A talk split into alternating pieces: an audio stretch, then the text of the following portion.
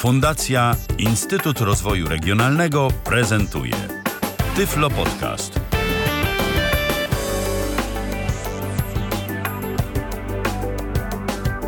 Słuchacie Tyfloradia na www.tyflopodcast.net. Tu także coraz więcej audycji Tyflo Podcastu, czyli pierwszego polskiego podcastu dla osób niewidomych i słabowidzących. Dziś 26 maja 2014 roku. Witam bardzo serdecznie. Przy mikrofonie Michał Dziwisz. Nie jestem w naszej dzisiejszej audycji sam, bowiem mam również gościa. Moim dzisiejszym gościem, a zarazem waszym jest Adam Pietrasiewicz. Witam cię Adamie bardzo serdecznie. Witam, witam Cię Michale, witam wszystkich słuchaczy. Dziś sobie porozmawiamy na temat, y, który być może na pierwszy rzut oka wyda się mm, tematem dziwnym i tematem specyficznym, ale tak sobie pomyślałem. Y, zresztą y, to także mm, takie wyjście mm, ze strony słuchaczy Tyfloradia i, ta, i taka prośba, żeby o tym kiedyś porozmawiać na temat wyglądu różnego rodzaju pism, formatowania dokumentów i podobnych rzeczy związanych z z redakcją różnego rodzaju dokumentów, no, które niekiedy musimy napisać, a co do których być może nie zawsze do końca zdajemy sobie sprawę z tego, jak one powinny wyglądać.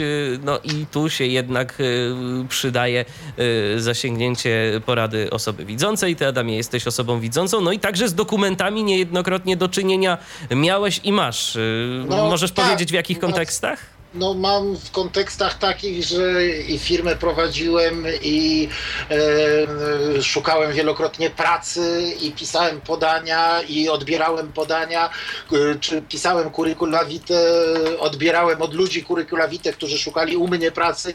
I w różnych kontekstach, a różne sprawy sądowe załatwiałem i w różnych kontekstach e, obracałem się, przeglądałem i miałem do czynienia z różnymi pismami, a e, to to jest temat jest bardzo wizualny, o którym dzisiaj będziemy mówili, więc będę się starał oczywiście mieć cały czas na uwadze, e, na uwadze to, że, że, żeby, żeby właśnie bardzo jasno i jednoznacznie wyjaśniać, o co w tym wszystkim chodzi, bo rzeczywiście z układem pism e, e, bardzo często z tym, z redakcją tego, z wyglądu pism jest duży problem. Skądinąd wcale nie dotyczy to tylko osób niewidzących czy słabowidzących, dotyczy to wszystkich, bo ludzie po prostu zwyczajnie nie wiedzą, e, w jaki sposób należy, bardzo często nie wiedzą, w jaki sposób należy formatować e, różne pisma, bo nikt ich tego nie uczy. I szczególnie jeżeli z redagowaniem takich różnych pism mają do czynienia od czasu do czasu, chociażby taki bardzo częsty przykład, e, to pojawia się na studiach, kiedy wcześniej, no ewentualnie gdzieś tam pisano jakieś wypracowania w szkole, później na studiach okazuje się, że trzeba zacząć pisać jakieś prace. Kulminacją tego jest praca dyplomowa, czy to tam licencjacka, inżynierska, czy magisterska, no i się nagle okazuje, że ten prowadzący chce jakichś dziwnych rzeczy, żeby to wszystko wyglądało tak, a nie inaczej, a część studentów zastanawia się właściwie o co mu chodzi. No przecież Oczywiście. w zasadzie no, jest dobrze, bo, bo oni jakoś to napisali, tak? Bo im się wydaje właśnie, że to jest e, najważniejszą jest e, sprawą jest zawartość samego dokumentu, a ta oprawa, która bardzo często ma również duże znaczenie, e, jest mało ważna. Ja bym zaczął od jakichś takich ogólnych zasad podstawowych, o których niestety bardzo często ludzie zapominają. Otóż, gdy piszemy jakikolwiek w zasadzie dokument skierowany do kogokolwiek, jeżeli to nie jest prywatny list, to zawsze ten dokument powinien się zaczynać od informacji o tym, kto go pisze. I to jest podstawa i to jest zasada, której nie powinien nikt nigdy łamać. Y, to znaczy, każdy dokument, gdy będziemy go tworzyli w Wordzie czy w jakimkolwiek innym edytorze tekstu, powinien zaczynać się od naszego imienia, nazwiska, adresu, ewentualnie numeru telefonu, ewentualnie PESEL-a, jeżeli to jest e, niezbędne w kontekście, e, w którym e, piszemy dany dokument, ale to powinno być zawsze na samym początku, ze względu na to, że no to jest pierwsza informacja, którą będzie oglądał adresat. Czyli nie I... wystarczy, że umieścimy takie dane na kopercie, trzeba to jeszcze zawrzeć w piśmie. No właśnie, trzeba zawsze o tym pamiętać i niestety z mojego doświadczenia y, już wieloletniego kontaktu z różnymi ludźmi w bardzo różnych kontekstach, zauważyłem, że o tym się bardzo często zapomina, że właśnie tak jak powiedziałeś Michale, ludziom wydaje się, że wystarczy, że napisali na kopercie, a ja na przykład bardzo często wyjmuję dokument z koperty, kopertę gdzieś odrzucam i zaczynam czytać dokument i potem znajdować kopertę i szukać y, nazwiska czy adresu nadawcy, no jest to bardzo trudne. Więc to jest podstawa e, całkowita i zawsze we wszystkich dokumentach, e, które nie są e, korespondencją całkowicie prywatną, zaczynać trzeba zawsze od podania informacji o tym, kim się jest, adres albo jakakolwiek inna identyfikacja, no to już potem szczegóły, czy pisać adres, czy pisać telefon, czy pisać PESEL, to jest w zależności od kontekstu, ale żeby imię i nazwisko było zawsze na początku. Zazwyczaj E, dobrą praktyką jest, żeby to było w górnej lewej części dokumentu, czyli tam, gdzie w ogóle dokument się zaczyna, żeby było imię i nazwisko, E, adres, numer telefonu, PESEL i tak dalej. W górnej lewej. I tu przy okazji myślę, że co niektórzy słuchacze mogą e, zapytać, e, czy to znaczy, że po prostu wystarczy na przykład w jakimś edytorze, jeżeli będziemy chcieli to zrobić i przemieścić ten nasz tekst na właśnie górną lewą część, to wystarczy, że jakoś, nie wiem, zaznaczymy to po prostu i wyrównamy to do lewej, czy to będzie wymagało jeszcze jakichś dodatkowych zabiegów, żebyśmy my to mogli no, zrobić yy, prawidłowo wizualnie. Jeżeli teraz zaczynamy rozmawiać o kwestiach tego, w jaki sposób formatować no to chyba y, no, zaznaczyć trzeba, że ponieważ w górnej, no, w górnej lewej części dokumentu, w górnej lewym rogu y, pisanie jest o tyle proste, że po prostu jak zaczynamy pisać dokument, to w tym miejscu jest kursor i od tego się zacznie, więc, y, więc formatowanie nie jest specjalnie wielkim problemem. Wyrównanie będzie do lewej strony i nie ma, nie ma tutaj żadnego problemu, natomiast należy pamiętać, że zawsze elementy formatowania musimy stosować, znaczy tworzyć poprzez, znaczy formatowanie dokumentu zawsze musimy tworzyć poprzez elementy stylów, e, które są nam oferowane w e, edytorze tekstu, a nie formatować na zasadzie e, wstawiania spacji. No ale to już, to są tematy bardzo wizualne i mi jest tutaj i, trudno jest o tym mówić, bo nie wiem na ile, w jaki sposób użytkownicy niewidomi próbują popełniać, czy popełniają błędy takie same, jak bardzo często widzący użytkownicy edytorów tekstów, to znaczy źle formatują, zamiast używać, zamiast używać narzędzi związanymi, związanych e, ze stylami, które można stosować w dokumencie w edytorze tekstu, stosują jakieś spacje inne. No ja inne... z niejednym takim przypadkiem się spotkałem, także i w, w przypadku niewidomych użytkowników, że również im się wydawało, że najrozsądniej będzie po prostu gdzieś to tam przesunąć no. za pomocą spacji, a nie na przykład za pomocą tabulatora. To jest też no, wa ważna informacja, y- że jeżeli przesuwamy jakiś tekst, prawda, bo, bo czasem trzeba, to nie spacjami, no tak. tylko tabulatorem. Ale Michale, jeżeli byś pozwolił, możemy do, do tych, bo tu, to ja jeszcze nie skończyłem tych, dobrze, tych dobrze. informacji, byśmy wrócili do tego okay. i to jest bardzo ważny temat, który teraz poruszyłeś, to znaczy tego, w jaki sposób to formatować, ale ja bym jeszcze powiedział, że y, do y, tego umieszczania swojego imienia i nazwiska w górnej lewej części y, dokumentu dodałbym również ważny element, że zazwyczaj w tym momencie ja tak właśnie staram się opisać taki klasyczny dokument na zasadzie, jak piszemy podanie do administracji domów mieszkalnych, żeby nam e, naprawili światło w, e, na klatce schodowej albo nie wiem co tam, Aha. żeby naprawili drzwi, prawda? I żądają, żeby napisać, żeby napisać podanie, bo najczęściej oni sobie czegoś takiego życzą. To w lewej górnej części będzie imię i nazwisko, adres, w, le, w górnej prawej części będzie miejscowość i data. E, w tej samej linii, na przykład, w której się pisze imię i nazwisko, czyli w pierwszej linii po lewej stronie imię i nazwisko, po prawej stronie miejscowość i data. E, dalej natomiast niżej znów e, mamy ten adres, mamy tam ewentualnie numer telefonu czy jakieś takie informacje. I jeszcze niżej zazwyczaj podaje się informacje na temat tego, w jakiej sprawie jest dany dokument. Bardzo często jest tak, że piszemy dokument, który jest odpowiedzią e, na jakieś pismo, które dostaliśmy. Na przykład, nie wiem, z banku, z urzędu skarbowego, czy, czy od jakiegoś innego urzędu. I e,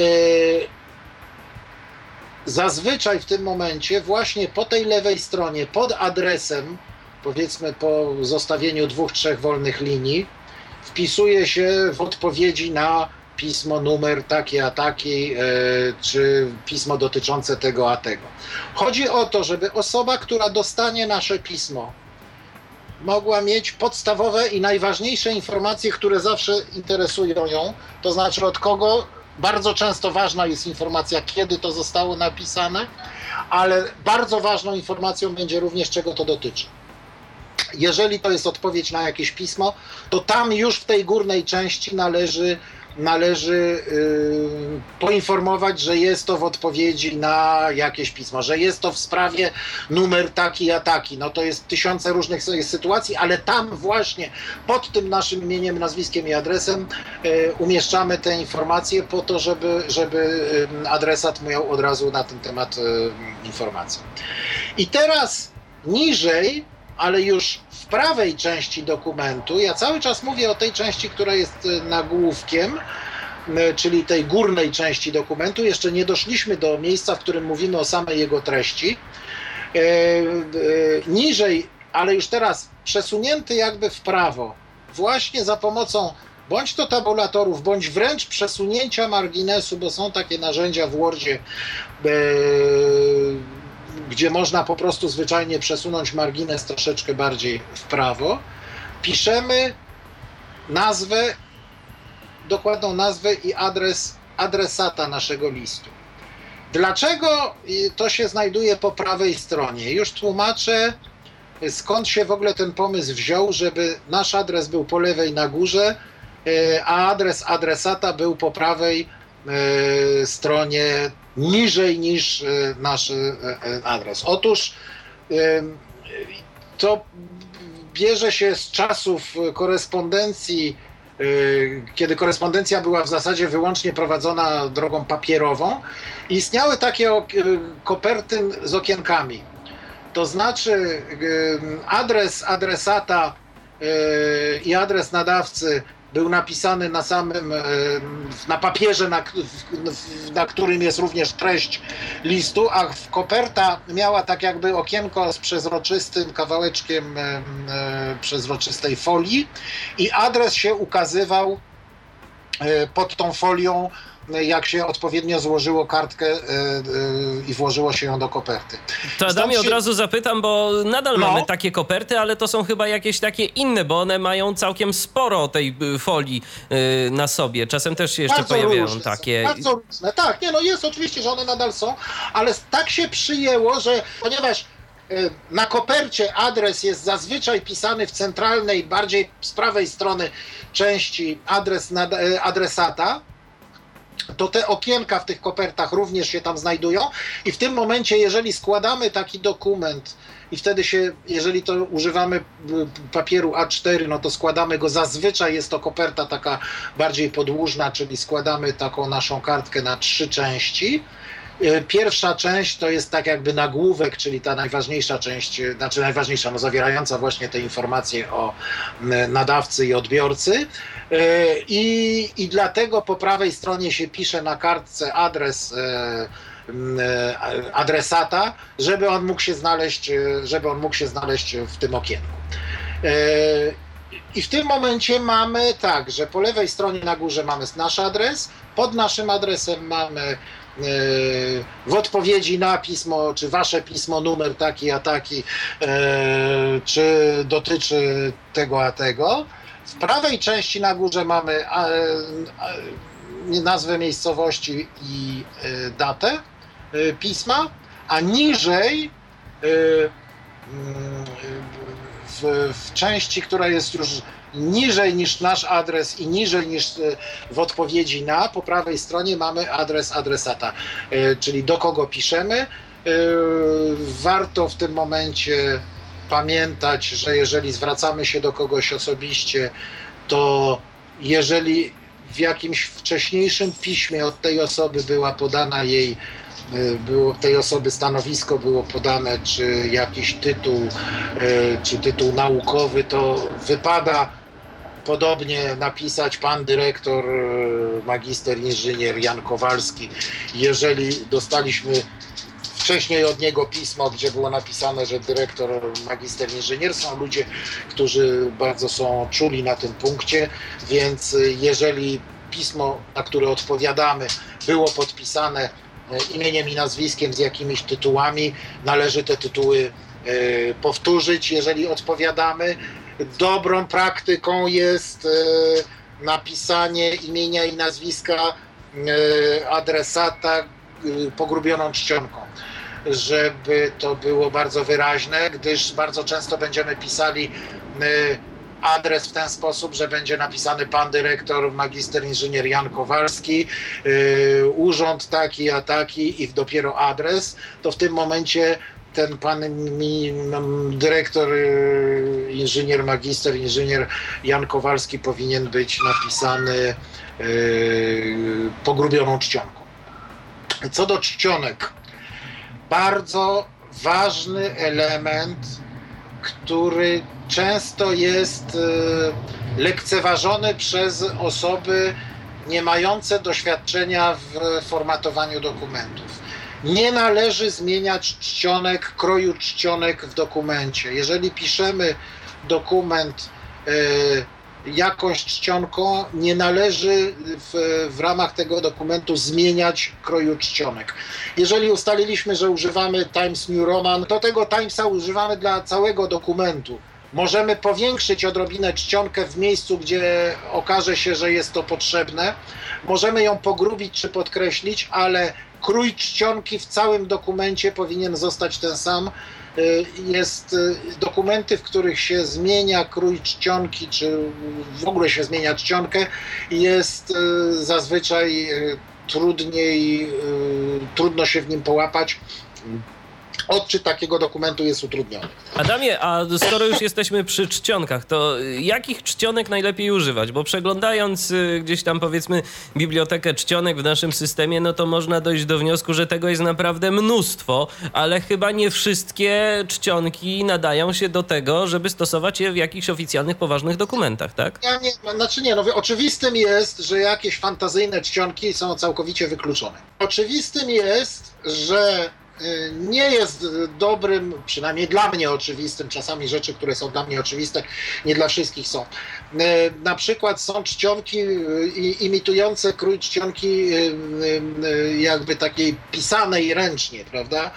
No takich rzeczy do, nigdy nie używamy do oficjalnych dokumentów. Ja kiedyś, będąc jeszcze bardzo młodym, poszukującym pracy, pisałem listy taką czcionką wyobrażając sobie, że to będzie bardzo oryginalne. I nawet e, przyjęto mnie do pracy po, po, po, na, na bazie takich tam listów. E, i ten, natomiast potem człowiek, który o tym decydował, z którym się zaprzyjaźniłem, już nawet e, wspólnie pracując, powiedział mi, że on to zauważył, że było dla niego to strasznie dziwaczne i wcale nie odebrał tego dobrze. Czcionki, których używamy, no to są szeryfowe bądź e, bezszeryfowe, czyli e, typu Arial bądź e, Times.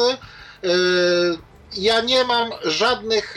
Są ludzie, którzy twierdzą, że należy pisać Timesem, są ludzie, którzy twierdzą, że należy pisać Arialem, że podobno czcionki bezszeryfowe czyta się łatwiej niż czcionki szeryfowe. Ja A co mam... to znaczy, Adamie, szeryfowe Właśnie. i bezszeryfowe?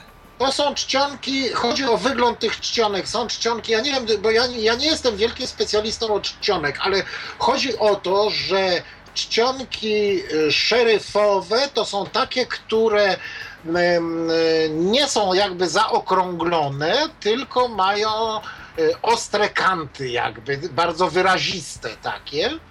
E, sądzę, Michale, że ty lepiej będziesz potrafił to powiedzieć. Ja nigdy nie byłem specjalnie wielkim specjalistą od opisu e, tych czcionek i... Obawiam i, się, to... że, będę, że będę w stanie jeszcze gorzej to opisać niż nie, Adamie, ale bo... są jakieś teoretyczne jakieś tam kwestie związane z tymi czcionkami. Na czym polega szeryfowa i bezszeryfowa? Czcionki, czcionki szeryfowe to są takie, które mają wypustki jakby powodujące, że one są bardzo wyraźne, bardzo ostre. Czcionki bezszeryfowe to są e, czcionki pokazujące nam litery bez żadnych e, dodatków, bez żadnych e, takich wypustek ale to, co ja mówię, to jest jakiś skandaliczny w ogóle, y, jakby specjaliści od tej typografii, gdyby tego słuchali, to prawdopodobnie się łapią za głowę w tej chwili, co ten Pietrasiewicz opowiada. Czyli y, szeryfowe można powiedzieć, że to są takie czcionki trochę ozdobne, tak? Y, gdzieś tam mają takie... ale to mhm. są takie, jak były w gazetach kiedyś. W tej chwili chyba też, ja w tej chwili gazet nie czytam, nie, nie wiem nawet, czy się stosuje szeryfowe, czy bezszeryfowe, nie potrafię powiedzieć, ale ja byłbym. Y, znaczy, ja nigdy nie, dla mnie nigdy nie było problemem y, czytanie y, szeryfowych czy bezszeryfowych i nigdy nie odczuwałem, że ma to jakieś znaczenie dla mojego komfortu czytania y, y tekstu pisanego tą czy tamtą czcionką. Słyszałem, że wydaje mi się, mówiono mi, że bezszeryfowe czcionki się łatwiej czyta i człowiek się mniej męczy Y, nie podważam tego twierdzenia, natomiast ja po sobie nie zauważyłem, żeby to miało znaczenie. Natomiast bardzo wyraźne znaczenie ma to, żeby w jednym dokumencie nie mieszać różnych krojów czcionek.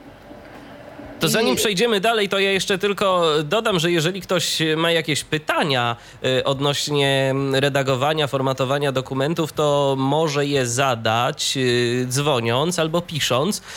Y, można dzwonić na Skype'a tyflopodcast.net, piszemy tyflopodcast.net, to jest nasz login.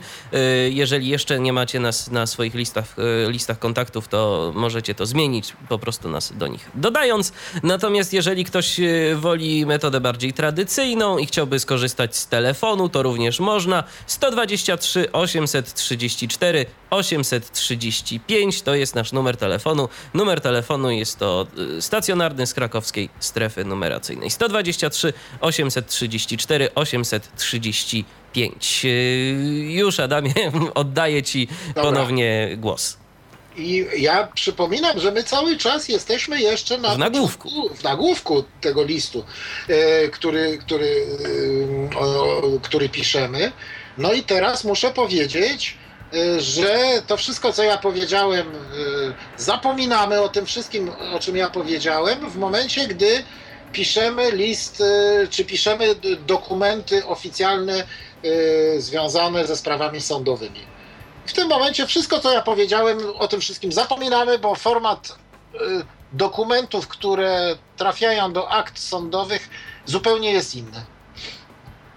I tutaj warto o tym wiedzieć, że e, całość informacji, całość informacji dotyczących zarówno osoby, która pisze dokument, jak i osoby, czy instytucji, czy sądu, do którego się pisze ten dokument, jak i ewentualnie sprawy, której to dotyczy, a jeżeli zazwyczaj jak piszemy do sądu, to jest, to są, jest kilka stron, to jesteśmy my, jest sąd, jest osoba, z którą się ewentualnie sądzimy, jeżeli to jest, e, jeżeli to jest e, sąd cywilny, te wszystkie informacje umieszcza się w nagłówku po prawej stronie. Nie po lewej, tylko po prawej. E, czyli tam, gdzie w zwyczajnym liście umieszczaliśmy tylko e, imię, nazwisko i adres adresata. E, czyli po prawej stronie w momencie, kiedy piszemy y, na przykład weźmy, nie wiem, mam w tej chwili przed oczami y, pismo y, procesowe dotyczące jakiejś sprawy cywilnej. Mam napisany sąd rejonowy w Sopocie, Wydział Pierwszy Cywilny. Cały czas jesteśmy po prawej stronie. Następnie mamy napisane powód, ktoś tam adres tego powoda, powód drugi, powód trzeci, powod, powodem jest osoba, która wytacza proces. Następnie jest pozwany i, następ, i, i, i znów imię i nazwisko, adres i te wszystkie informacje i to wszystko w jednej kolumnie po prawej stronie. Dlaczego? Dlatego, że tak się pisze pisma sądowe. Taki jest w Polsce zwyczaj. To Adam jeszcze zapytam a propos, tej, a propos tej kolumny. Czy to jest tak, że y, piszemy na przykład powód y, i tu wiadomo na jakiś dwukropek, odstęp i y, imię, nazwisko dane tego powoda? Czy są też jakieś reguły formatowania tego? To znaczy na przykład powód, y, dwukropek i od nowego I wiersza. Od nowego wiersza, tak. Od, od nowego. nowego wiersza. Okay. Bardzo, dobrze, bardzo dobrze na to zwróciłeś uwagę. Oczywiście tak, od nowego wiersza, ze względu na to, że powodów może być też kilku. Y, chodzi też o to, żeby to było bardzo wyraźne wyraźne, żeby to było bardzo jednoznaczne i ten, ten zwyczaj formatowania listów w polskich sądach, i to wcale nie jest takie powszechne, to, to wszystko, co ja piszę, no, odnosi się do zwyczajów polskich, to wcale nie jest koniecznie tak samo y, wszędzie na świecie. Y, y, I następnie niżej jak już napiszemy, kto jest, kto występuje do sądu, do jakiego sądu. Po drodze może być jeszcze informacja na temat adwokata, który reprezentuje powoda. E, czyli mamy informacje po prawej stronie na temat sądu, na temat powoda, na temat adwokata, na temat pozwanego i znów po lewej stronie informacja dotycząca numeru sprawy, którego to dotyczy i ewentualnie ogólnie tematu sprawy, którego to dotyczy bo e, a czasem na przykład może chodzić o, jeżeli chodzi konkretnie o pieniądze, na przykład o sumę, to też jest dobrze by było napisać w tym momencie informację wartość sporu czy przedmiot sporu, taka, taka suma. E, to są zwyczaje. E, dlaczego się tak robi? Dlatego, że jak są akta sądowe, które zaczynają mieć nie 5 e, e, stron, tylko na przykład 5 tysięcy stron, gdy się je przegląda spięte w, e, w skoroszytach takich, w których one są składowane w, w sądach, to przy przeglądaniu tych wszystkich kartek patrzenie na lewą stronę kartki, czyli w, blisko miejsca, przy którym kartka jest wpięta w sam skoroszyt, jest dużo trudniejsze niż patrzenie na prawą stronę kartki, czyli tę, którą widzimy, yy, przerzucając te kartki szybko w, w ramach danego skoroszytu. Także tutaj bardzo jest ważna, yy, yy, bardzo jest ważne odpowiednie formatowanie yy, list, pism procesowych w przypadku, w przypadku spraw sądowych. Ten struktura tego, co jest w e, nagłówku takiego pisma, będzie zawsze zależała bardzo od tego, jakiego rodzaju to jest sprawa. Natomiast kolejność tego zawsze będzie taka, że najpierw będzie napis, do jakiego sądu się zwracamy, z konkretną informacją, yy, jaki to jest wydział i tak dalej. Następnie yy, kto się zwraca i następnie w jakiej sprawie. O, powiedzmy w ten sposób. Czyli struktura takiego dokumentu jest zupełnie inna niż struktura podania listu o pracę e, czy, e, czy jakiegoś pisma urzędowego do Urzędu Skarbowego i tak dalej, o czym mówiliśmy na, na początku naszej audycji. To jeszcze tak e, zapytam, bo wspomniałeś, Adamie, z własnego doświadczenia, z własnej historii, że no, kiedy ty popełniłeś jakieś takie powiedzmy fopa w tym dokumencie, formatując go w taki, a nie inny sposób, używając jakichś tam nietypowych czcionek, to nic się nie stało, ale czy na przykład jeżeli jeżeli my zrobimy jakiś błąd, y, powiedzmy w takim piśmie y, procesowym, piśmie sądowym, to na przykład ono może zostać nieuznane, może nam zostać one, ono po prostu odesłane z jakąś adnotacją, że trzeba to poprawić, czy...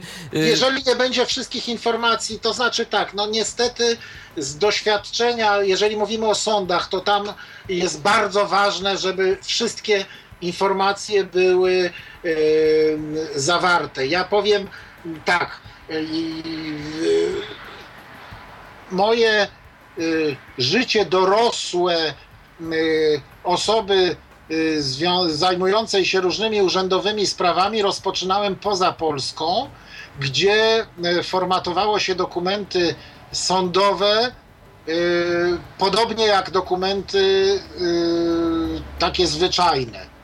I ja pamiętam, że jak przyjechałem do Polski i miałem, musiałem napisać pismo procesowe i je sformatowałem e, w sposób taki, do jakiego byłem przyzwyczajony, czyli w zasadzie ten, o którym ja mówiłem na samym początku naszego, naszego spotkania dzisiejszego, to to pismo zostało przyjęte, ale Mm, e, zwrócono mi uwagę w sekretariacie sądu, że proszą, żeby e, następne pisma formatować w taki sposób, jak mówię, czyli wszystkie te informacje po prawej stronie, bo oni są przyzwyczajeni do, e, do takiego formatowania.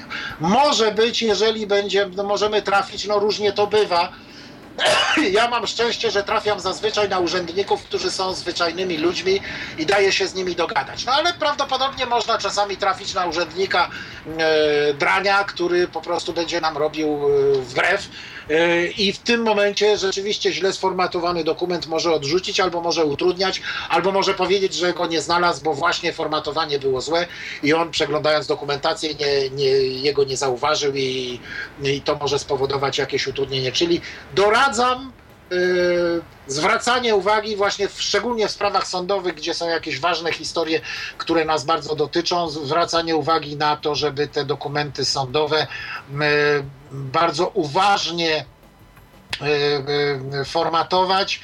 I ja byłbym skłonny żeby jednak sugerować, że to, żeby to formatowanie, jeżeli mamy konieczność pisania takich dokumentów, to żeby jednak, na, nie wiem, pierwszy raz, żeby ktoś widzący sprawdził, czy to jest, czy to jest wystarczająco czytelne, czy to jest wystarczająco e, e, po prawej stronie, na przykład porównując z jakimś pismem, które już się ma e, z tego sądu bo, bo te sprawy sądowe y, są właśnie bardzo ważne i, i nawet taki drobiazg mógłby być ewentualnie y, przeszkodą w, w odpowiednim potraktowaniu naszego, naszego pisma. Natomiast, natomiast y, we wszystkich innych chyba przypadkach, tak myślę, ale wydaje mi się, że we wszystkich innych przypadkach to formatowanie, o, których, o którym mówiliśmy na początku, jest, jest odpowiednie. Więc y, nagłówek mamy za sobą. Y, teraz y, treść właściwa pisma, czy coś tam jeszcze między tym nagłówkiem a całą resztą powinno się znaleźć? Powinien się znaleźć zasadniczo, powinien się znaleźć zasadniczo tytuł o co chodzi. To znaczy e, oświadczenie, prośba o naprawienie, nie wiem, szyby w klatce schodowej, podanie o wydanie dokumentu, nie wiem, dowód osobisty, to, to akurat to są formularze już, już zazwyczaj się dostaje zrobione, ale jakieś tam podanie o wydanie jakiegoś tam dokumentu, czyli jakiś tytuł, który dobrze by było napisać dużymi literami, albo przynajmniej podkreślić, żeby było wiadomo, że w momencie jak, jak już ten dokument dojdzie, żeby, żeby osoba, która go odbiera, yy, no wiedziała, wiedziała, czego to dotyczy. Dlaczego? No dlatego, że czasami osoba, do której to yy, yy, przesyłamy, nie jest tą osobą, która się będzie tym bezpośrednio natychmiast zajmować i chce to komuś przekazać i dobrze, żeby wiedziała, czego to dotyczy. Adamie, czytając y, tytuł. Tak? Zapytam, y, mówiąc dużymi literami, masz na myśli po prostu taką, taką samą czcionką jak całą resztę, tyle że z kapslokiem, czy po prostu większą tak, czcionką? Dokładnie tak. Nie, to, tą samą czcionką co z kapslokiem to jest wystarczające. Y, ja jestem zwolennikiem utrzymywania stałej wielkości czcionki. To znaczy, uważam, że w sytuacji, w której bardzo nam zależy na podkreśleniu jakichś elementów. Możemy powiększyć czcionkę, jeżeli to jest rzeczywiście mm, e, w jakiś sposób e, ważne, ale ważne, żeby to była wciąż ta sama czcionka. Na przykład teraz sobie siedzę i nadal patrzę na ten sam dokument, e, pismo procesowe i sąd rejonowy w Sopocie, Wydział Pierwszy Cywilny jest napisane powiększoną czcionką, to znaczy yy, po prostu zwyczajnie zwiększono liczbę pikseli yy, tej czcionki po to, żeby to było jeszcze bardziej, jeszcze bardziej widoczne. Coś takiego jest dopuszczalne, natomiast ja ogólnie jestem zwolennikiem utrzymywania, utrzymywania i to zawsze doradzam, utrzymywania tej samej wielkości czcionki, chyba, że jest coś bardzo ważnego do podkreślenia. Tytuł naszego pisma jest rzeczą ważną, ale on będzie się znajdował w miejscu centralnym naszej kartki, w związku z czym, w związku z czym napisanie e, wielkimi literami, e, ewentualnie jeszcze podkreślenie, choć to już jest, nie jest konieczne, jest, e, jest wystarczające. Nie jest dobrym zwyczajem, no ale to chyba osobom nie, niewidomym nie muszę tego mówić, rozdzielanie liter spacjami, często ludzie to robią, niestety. E, taką sprawę można załatwić odpowiednim formatowaniem. Przypomnę, że jest e, możliwość formatowania e, w taki sposób słów, to znaczy formatowania czcionki w taki sposób, żeby odstępy między czcionkami, między konkretnymi poszczególnymi literami były większe bądź mniejsze. Więc jeżeli już nam zależy na tym, żeby ten tytuł był bardzo wyraźny i żeby to pismo było rozstrzelone, to to to rozstrzelenie załatwiamy odpowiednim formatowaniem, czyli odstępami między, e, między literkami, a nie, e, a nie od, z odstępami tworzonymi spacją. Spacja służy do tego, żeby to był, żeby oddzielać między sobą słowa. Koniec, kropka. Cała reszta y, rzeczy, które mogą nam się wydawać y, możliwe do załatwienia spacją, zazwyczaj będą do załatwienia odpowiednim formatowaniem. Nie wiem, czy się jasno wyrażam, mówiąc to, co mówię. Jak najbardziej jasne, Adamie. Natomiast jeszcze jedno takie moje pytanie związane z czcionką. Jaki powinien być jej optymalny rozmiar? 14, 12 punktów? 12, 12 to moim zdaniem jest maksimum 10. 10, 12 to zależy od, zależy od e, rozmiarów tekstu.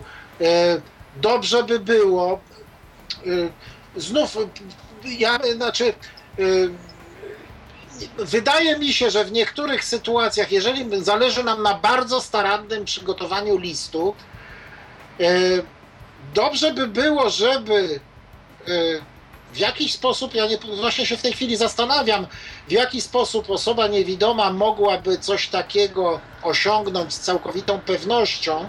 Obawiam się, że może to być trudne, ale dobrze by było, żeby ta część nagłówkowa znajdowała się, zajmowała jedną trzecią kartki, natomiast treść zajmowała pozostałe dwie trzecie.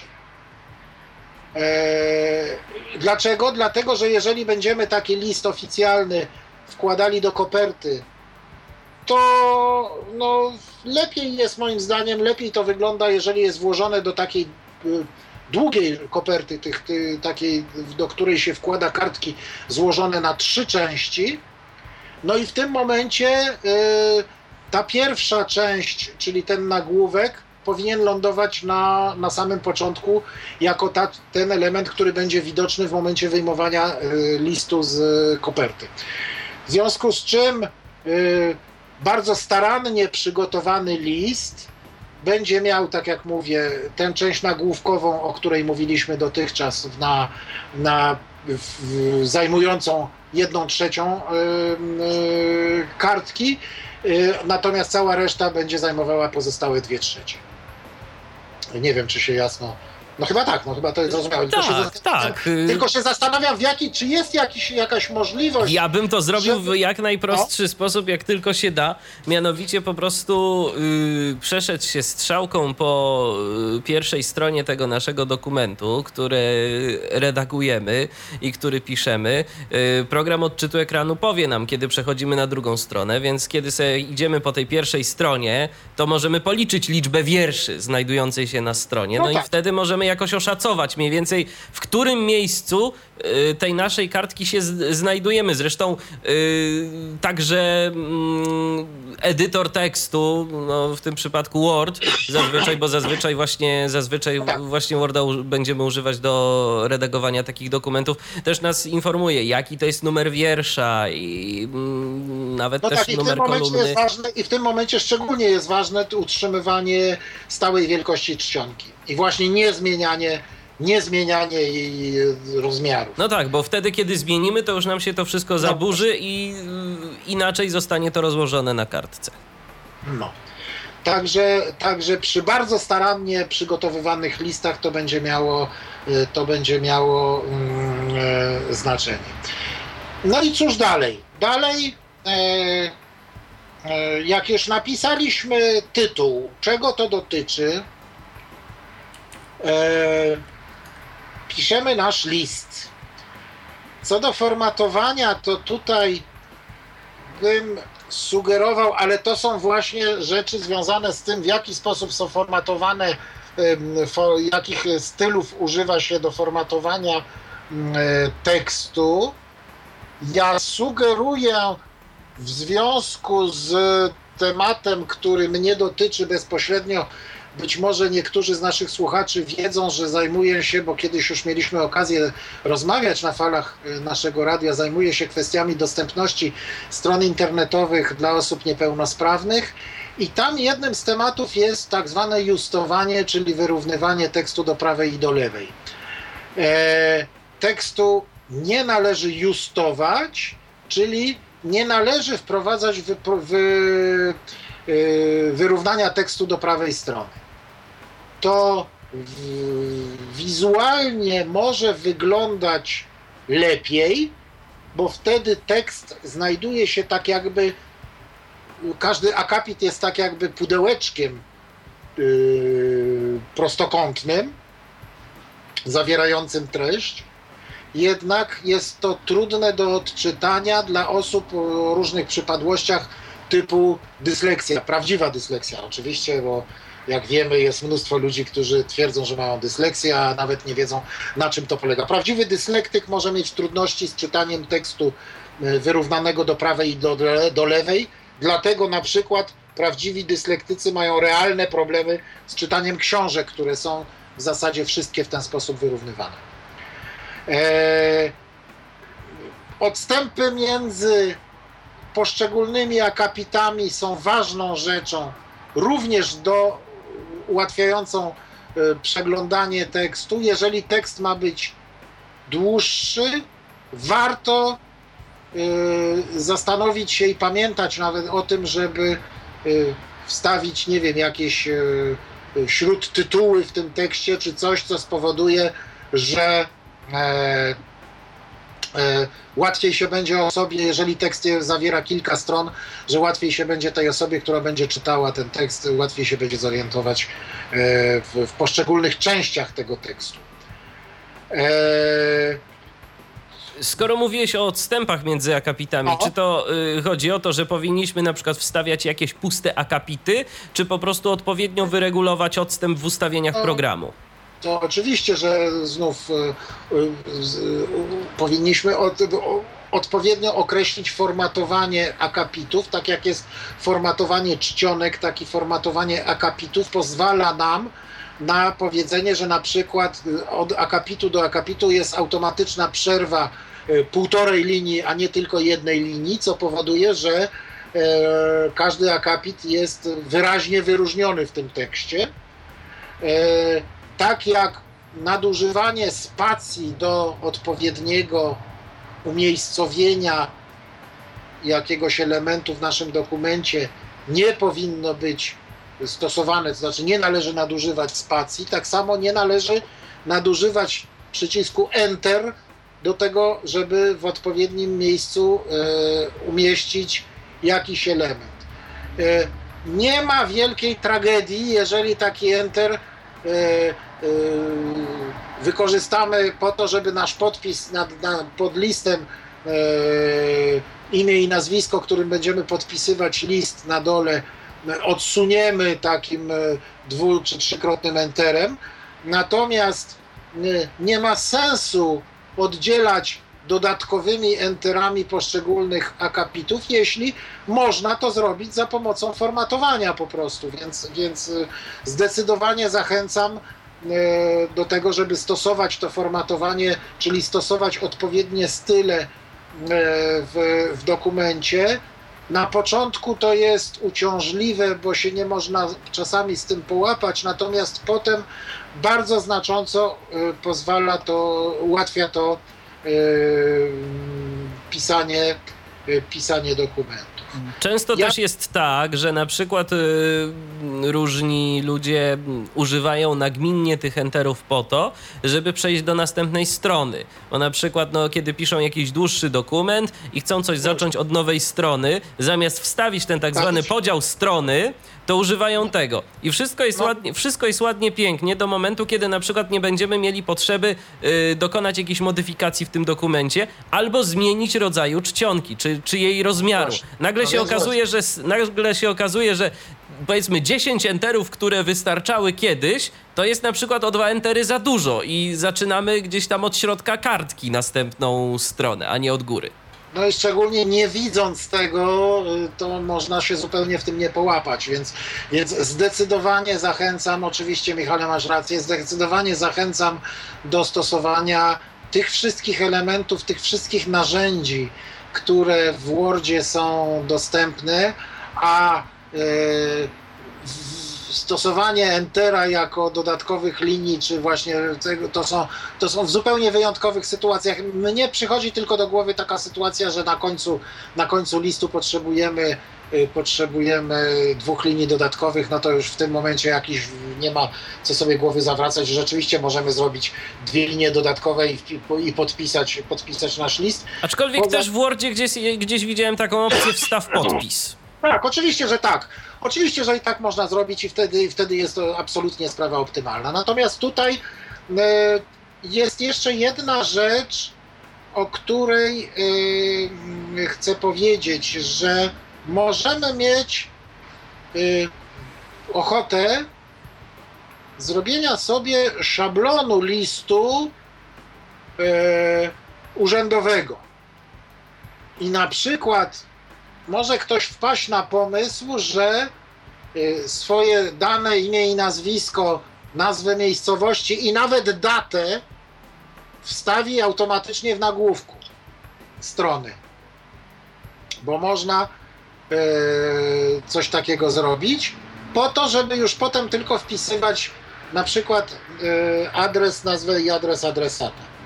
Należy, można tako, takie coś zrobić, ale należy mieć na uwadze fakt, że gdy będziemy pisali list, który będzie zawierał kilka stron, to to, co jest w nagłówku, może się, będzie się powtarzało na każdej stronie i wtedy no, list zaczyna wyglądać dziwacznie. Bo zwyczaj jest taki, że informacje o tym, kto pisze list, skąd wysyła, do kogo pisze, znajdują się tylko na pierwszej stronie. Więc y, można coś takiego zrobić, ale wtedy to trzeba bardziej jeszcze kombinować i na przykład wstawiać odpowiednie sekcje. Ja nie wiem, czy w tej chwili będziemy o tym rozmawiać, bo to już zaczyna się robić troszkę bardziej skomplikowane i tu już trzeba troszeczkę lepiej Worda poznać. Natomiast doradzam pewną ostrożność w tego typu ułatwieniach, bo to rzeczywiście może ułatwiać, jeżeli sobie zrobimy szablon y, takiego dokumentu, może to ułatwiać ogólnie pisanie listów i możemy y, napisać 10 pierwszych listów, które będą każdy na jednej stronie i problemu nie będzie, a potem ten jedenasty będzie, będzie na dwóch stronach i jeżeli na dwóch stronach będzie się pojawiało nasz adres y, i, i na przykład dane adresata, to może się zacząć, mogą się z tym zacząć robić różne y, problemy, to znaczy list zacznie wyglądać dziwacznie po prostu dla, dla odbiorcy. Nie wiem, czy ja, Zrozumiałe to. Tak, mówię, zgodzę się, zgodzę się jak najbardziej. Taki mm, jedyna alternatywa, jaka mi przychodzi do głowy, to po prostu stworzenie sobie nie szablonu, tylko takiego, tylko takiego pustego dokumentu, w którym możemy wstawić datę, która się będzie aktualizowała automatycznie. Yy, cała reszta naszych danych po prostu nie jako szablon, tylko jako, jako normalny dokument. Wtedy, kiedy yy, przyjdzie nam ochota napisania jakiegoś tam yy, listu, czy jakiegoś y, oficjalnego pisma, mm, kopiujemy sobie taki zbiór do, pod, pod inną nazwę i zaczynamy jego edycję. No, to jest chyba jedyna taka optymalna metoda na, na usprawnienie sobie pracy bez y, robienia doktoratu z Worda, tak? No tak. Przy czym ostrożność zalecam z datą, ze względu na to, że y, data, która automatycznie się aktualizuje, y, może być źródłem różnych problemów w sytuacji, gdy ponownie edytujemy dany list, bo czasami jest tak, że ta data może mieć jakieś znaczenie, e, szczególnie na przykład w pismach związanych z jakimiś sprawami sądowymi. I tutaj e, wstawianie daty, która się po prostu automatycznie aktualizuje, e, może być niebezpieczne. Po prostu należy zawsze o tym pamiętać, że ta data się aktualizuje, a nie zawsze nam się chce pamiętać o tym. No tak, bo rzeczywiście niektóre pisma muszą być yy, sporządzone z określoną, konkretną. A mówię datą. to niestety na podstawie własnych ponurych doświadczeń, bo zdarzyło mi się i to niejednokrotnie zdarzyło mi się popełnić właśnie ten błąd, że nie zwróciłem uwagi na to, że data się aktualizowała i jakieś tam problemy pamiętam miałem związane właśnie z tym, że E, że właśnie ta data się aktualizowała, a nie powinna. Także przestrzegam, warto o tym pamiętać, e, że takie sytuacje mogą mieć miejsce.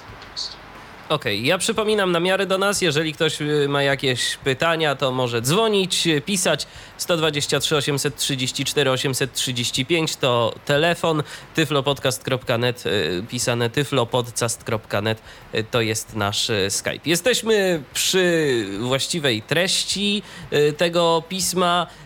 Pani w szkole uczyła zawsze, że powinno się robić y, w akapitach wcięcia.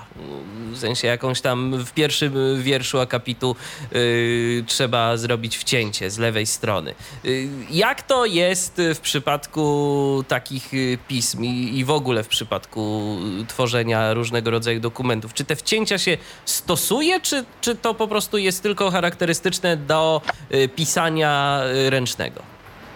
Czy ja wiem? Ja nie wiem, ja nigdy ich, znaczy kiedyś starałem się stosować, wydawało mi się, że to wygląda, że wtedy dokument jest bardziej czytelny, ale podobnie wydawało mi się, że wyrównywanie do prawej powoduje większą czytelność, a to nie jest prawda. Moim zdaniem nie ma potrzeby stosowania wcięcia w pierwszego słowa w akapicie, szczególnie jeśli akapity są poprawnie oddzielone od siebie Y, odpowiednią przestrzenią, zdefiniowaną, y, mm, nie wiem, półtora, y, półtorej linii między każdym, między każdym akapitem powoduje, że każdy akapit jest widoczny i w tym momencie początek tego akapitu jest, jest wyraźny. Nie, nie ma niczego złego, sądzę, w tworzeniu wcięcia to również takie rzeczy się definiuje w odpowiednim zdefiniowaniu akapitu w, w formacie e, stylu. Natomiast e, e, ja tego nigdy nie stosowałem, znaczy ja tego nie stosuję obecnie. Kiedyś próbowałem, ale to przechodziłem przez okres e, taki uczenia się tego wszystkiego, czyli to było dwadzieścia parę lat temu. No i wtedy oczywiście próbowałem wszystkiego, różnych takich dziwactw. W tej chwili tego nie robię. Yy, wydaje mi się, że nie jest to niezbędne, nie jest to potrzebne. No taką ciekawostkę powiem, dlaczego o to pytam. Dlatego, że mam znajomego, yy, który wyobraź sobie, kiedy pisze nawet maile, to stara się je formatować w ten sposób, że każdy jakiś tam akapit e, rozpoczyna właśnie od takiego wcięcia za pomocą tabulatora. E, więc no, różnie ludzie mają różne podejście do, do tego, jak się okazuje. Niemniej jednak, no właśnie, e, przede wszystkim interesował mnie taki globalny trend. Czy się rzeczywiście tych wcięć używa, czy, czy, czy moim to... zdaniem nie. Jak tak sobie przypominam teraz różne pisma, moim zdaniem tych wcięć się nie używa. Ja ich nie używam i mam wrażenie, że inni też nie używają, przy czym mogę się mylić, bo, bo mój ogląd y, spraw jest, jest ograniczony jak ogląd każdego z nas, więc, y, więc tylko do jakiegoś wycinka y, tych pism. Mnie się wydaje, że to nie jest potrzebne, akurat w przypadku maili to ja zawsze staram się w ogóle e, pisać maile tylko w formacie e, tekstowym, więc tam w ogóle nawet nie byłoby miejsca na coś takiego jak, jak robienie wcięć, ale w, w, w takich pismach, czy ja wiem, czy to wygląda lepiej? No wygląda troszkę inaczej. Czy jest bardziej czytelne? Nie jestem pewien. Być może jest, ale takie powtórzę znów, no, odpowiednie wyróżnienie. Oczywiście, że akapity powinny być od siebie oddzielone e, wyraźnie. I bardzo często jest popełniany błąd, e, że akapity od siebie nie są oddzielone. Natomiast e, wcięcie w tym momencie, jeżeli jest oddzielony akapit jeden od drugiego, wcięcie. Ja, ja nie widzę potrzeby, choć nie wydaje mi się, żeby to było coś złego. To teraz, skoro jesteśmy w tym y, głównym y, elemencie takiego pisma, czy na coś jeszcze tu warto zwrócić uwagę? Czy, czy tak naprawdę wystarczy po prostu to, co, o czym powiedziałeś i wystarczy się gdzieś tam jeszcze podpisać na dole? O właśnie, i co do podpisu? Ja, czy... no więc właśnie, teraz tak, ja miałem, tak jak wspomniałem,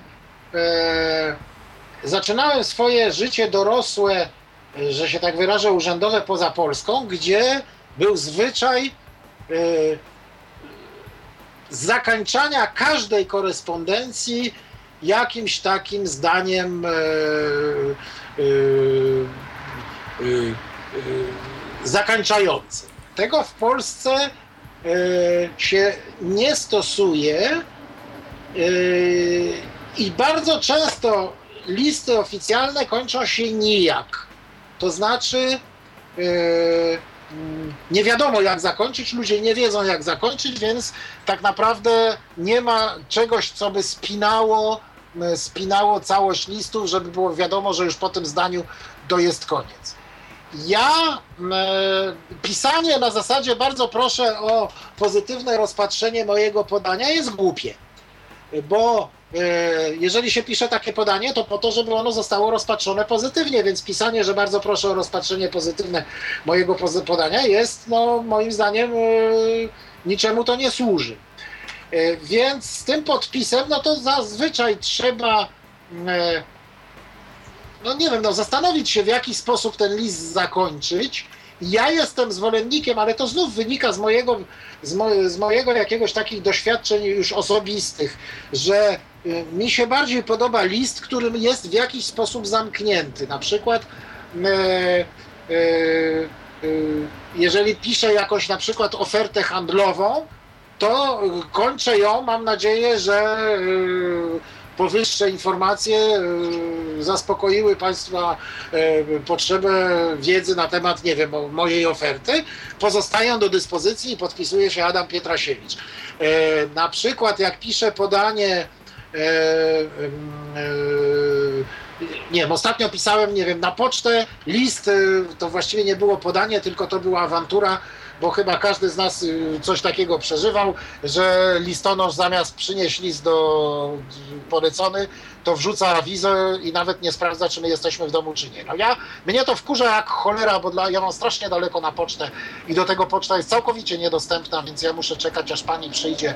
Ja się poruszam na wózku inwalidzkim e, i e, nie mam wejścia, w ogóle możliwości wejścia na pocztę i muszę czekać przed urzędem, pada deszcz czy, czy cokolwiek, ja muszę czekać przed urzędem, aż ktoś do mnie przyjdzie. Więc, e, więc napisałem list i ponieważ w ostatniej części tego listu e, jakieś e, przedstawiałem swoje, czy w ogóle w liście przedstawiałem swoją, swoją sytuację, no to nie wiem, zakończyłem go jakimś takim zdaniem stylu, pozostaje do dyspozycji, gdyby Państwo chcieli sprawdzić w, w jaki sposób ja, w jaki sposób mi ta sytuacja utrudnia życie, o, czy coś takiego. Ale jakieś takie zakończenie, które wcale nie jest łatwe czasami, powinno być, żeby było wiadomo, że w tym miejscu list się kończy. No i oczywiście piszemy również na dole, piszemy imię i nazwisko, y, pomimo, że ona jest również na początku, ale piszemy je na dole y, i pod tym napisem trzeba będzie złożyć po prostu parawkę długopisem wypada.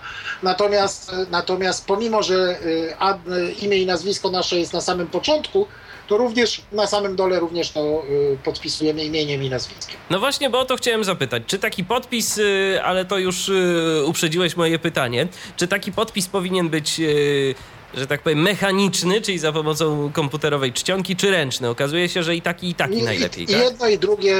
Wydaje mi się, że tak jest, że tak jest najbardziej odpowiednio. E, wiadomo, kto podpisał, i wiadomo, że podpisał się e, ręcznie. O co chodzi z tym ręcznym podpisywaniem? Ja taką anegdotkę opowiem, bo mm, to jest też kwestia w pewien sposób nawet związana z prawem. Opowiem Wam anegdotkę yy, związaną z tym, że jak ja mieszkałem poza Polską, to byłem tłumaczem przysięgłym. I wiedziałem, że w Polsce tłumacze przysięgli mają pieczęcie specjalne, które są im wydawane, takie okrągłe, okropnie oficjalne. Yy, I Y, gdy tam złożyłem moją przysięgę w sądzie, że będę uczciwie tłumaczył dokumenty z języka polskiego i na język polski, e, gdy już wszystkie te formalności załatwiłem, w sekretariacie sądu, bo tam tłumacze przysięgli są e, biegłymi sądowymi, e, w sekretariacie sądu pytam o pieczątkę. I pani w sekretariacie patrzy się na mnie jakbym pochodził z innej planety i mówi, no pieczątkę, no to sobie pan może pójść i sobie zrobić w jakimś takim punkcie u szewca, bo to u szewca się pieczątki zamawia, prawda? Czy w jakimś takim punkcie, gdzie, gdzie się robi pieczątki. Ja mówię, że no ale mi chodzi o pieczątkę tłumacza. No to ona mówi, y, no to pan sobie napisze, że pan jest tłumaczem. I wyraźnie nie rozumie, o co mi chodzi. No więc ja się w tym momencie zorientowałem, że we, we Francji to działa troszkę inaczej. I mówię do tej pani, że w Polsce to tłumacze mają osobne pieczątki. A ta pani mówi, ale proszę pana, czy pan no, pieczątkę to przecież można sobie zrobić z kartofla, jak ma ktoś ochotę. Natomiast, y, proszę pana, dokument, jak pan robi tłumaczenie, jak pan pisze oficjalny dokument, to na tym dokumencie jest napisane pańskie imię i nazwisko, kim pan jest i że to pan tłumaczy, na dole pan to podpisuje i następnie odręcznie pan to podpisuje, yy, ten dokument. I teraz mamy sytuację taką, albo jest jakiś problem z tym pańskim tłumaczeniem, i albo ten dokument pan podpisywał, i wtedy pan bierze za niego odpowiedzialność, albo ktoś podrobił pański podpis na dokumencie, i wówczas to jest sprawa karna. I wtedy wchodzi prokurator i wyszukuje, znajduje osobę, która podrobiła pański podpis. A czy jest pieczątka, czy nie ma pieczątki, nie ma żadnego znaczenia. Ale ten podpis to właśnie jest to, co jest w tym dokumencie najważniejsze, że właśnie ten odręczny podpis jest bardzo ważny, bo to on świadczy o tym, że to myśmy pisali, a nie ktokolwiek inny. I dlatego ten podpis jest bardzo ważny, a to, czy będzie pieczątka, czy będzie co innego, już jest w, takie drugorzędne. I dlatego Podkreślam, że najlepiej jest pisać imię i nazwisko, po prostu normalnie pełnymi wpisać, podpisując ten dokument jeszcze normalnie w Wordzie i następnie podpisać go y, koniecznie trzeba długopisem. I jedno i drugie jest niezbędne. Okej, okay, czyli tak naprawdę mamy y, całe pismo y, już napisane, y, podpis jest. Ten podpis powinien być jakoś, nie wiem, z lewej, z prawej strony, na środku. Ja robię, ja robię zazwyczaj po lewej stronie, na końcu dokumentu, na samym dole po lewej stronie, oddzielony powiedzmy tam dwoma liniami od, od, od samego tekstu, żeby to już było widać, że to jest zakończenie.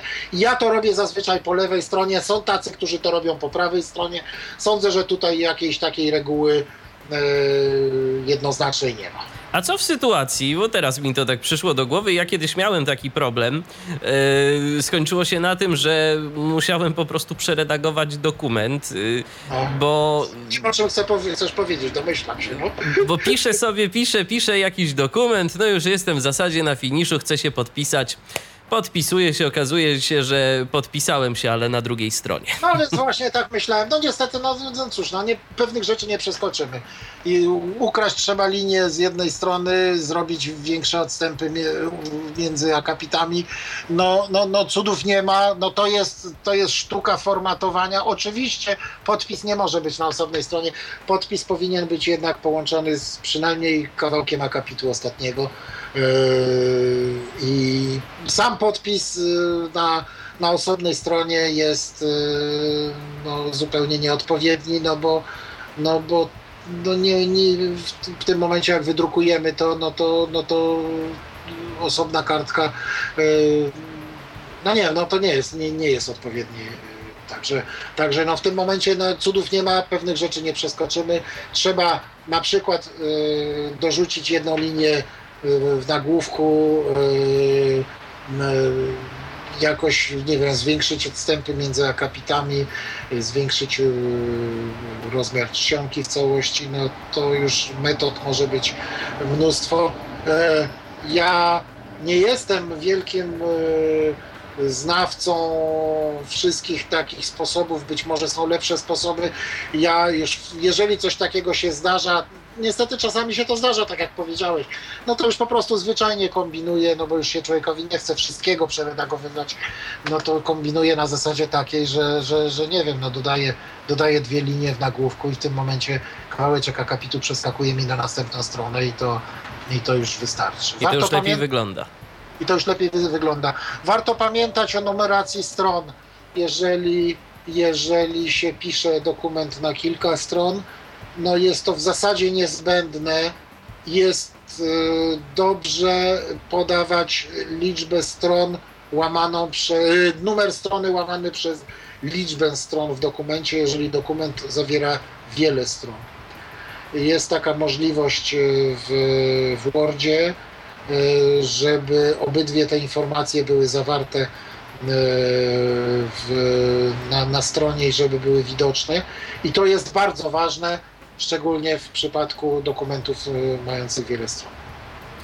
Okej, okay. tak. a co z używaniem, y, bo ja szczególnie byłem na to uczulany w trakcie pisania, ale no fakt, że nie listu ani jakiegoś pisma, ale w trakcie pisania swojej pracy dyplomowej, żeby starać się dbać o to, żeby yy, w pewnych momentach używać tej tak zwanej twardej spacji. Chodzi mianowicie o to, żeby na krawędziach wierszy nie pozostawały te tak zwane sieroty, tak? No tak, ale to chyba się załatwia jedno, wiesz, powiem ci Michale, że tak, że ja ja byłem uczulany na to, ale bo ja studiowałem swego czasu, znaczy studia dziennikarskie i mnie uczono pisania i mówiono mi, że takich rzeczy nie powinno być, e, ale tym się zajmowali, tym się zajmowali faceci w e, drukarni, którzy pisali moje artykuły, więc ja ja się nigdy specjalnie tym nie przejmowałem, dopóki pisałem na maszynie. Natomiast e, w, z tego co wiem, to w Wordzie i w innych dokumentach, e, e, w innych edytorach tekstu jest to można chyba automatycznie załatwić, że, żeby nie było tych tak zwanych sierot i wdów. Chyba tak to się nazywa.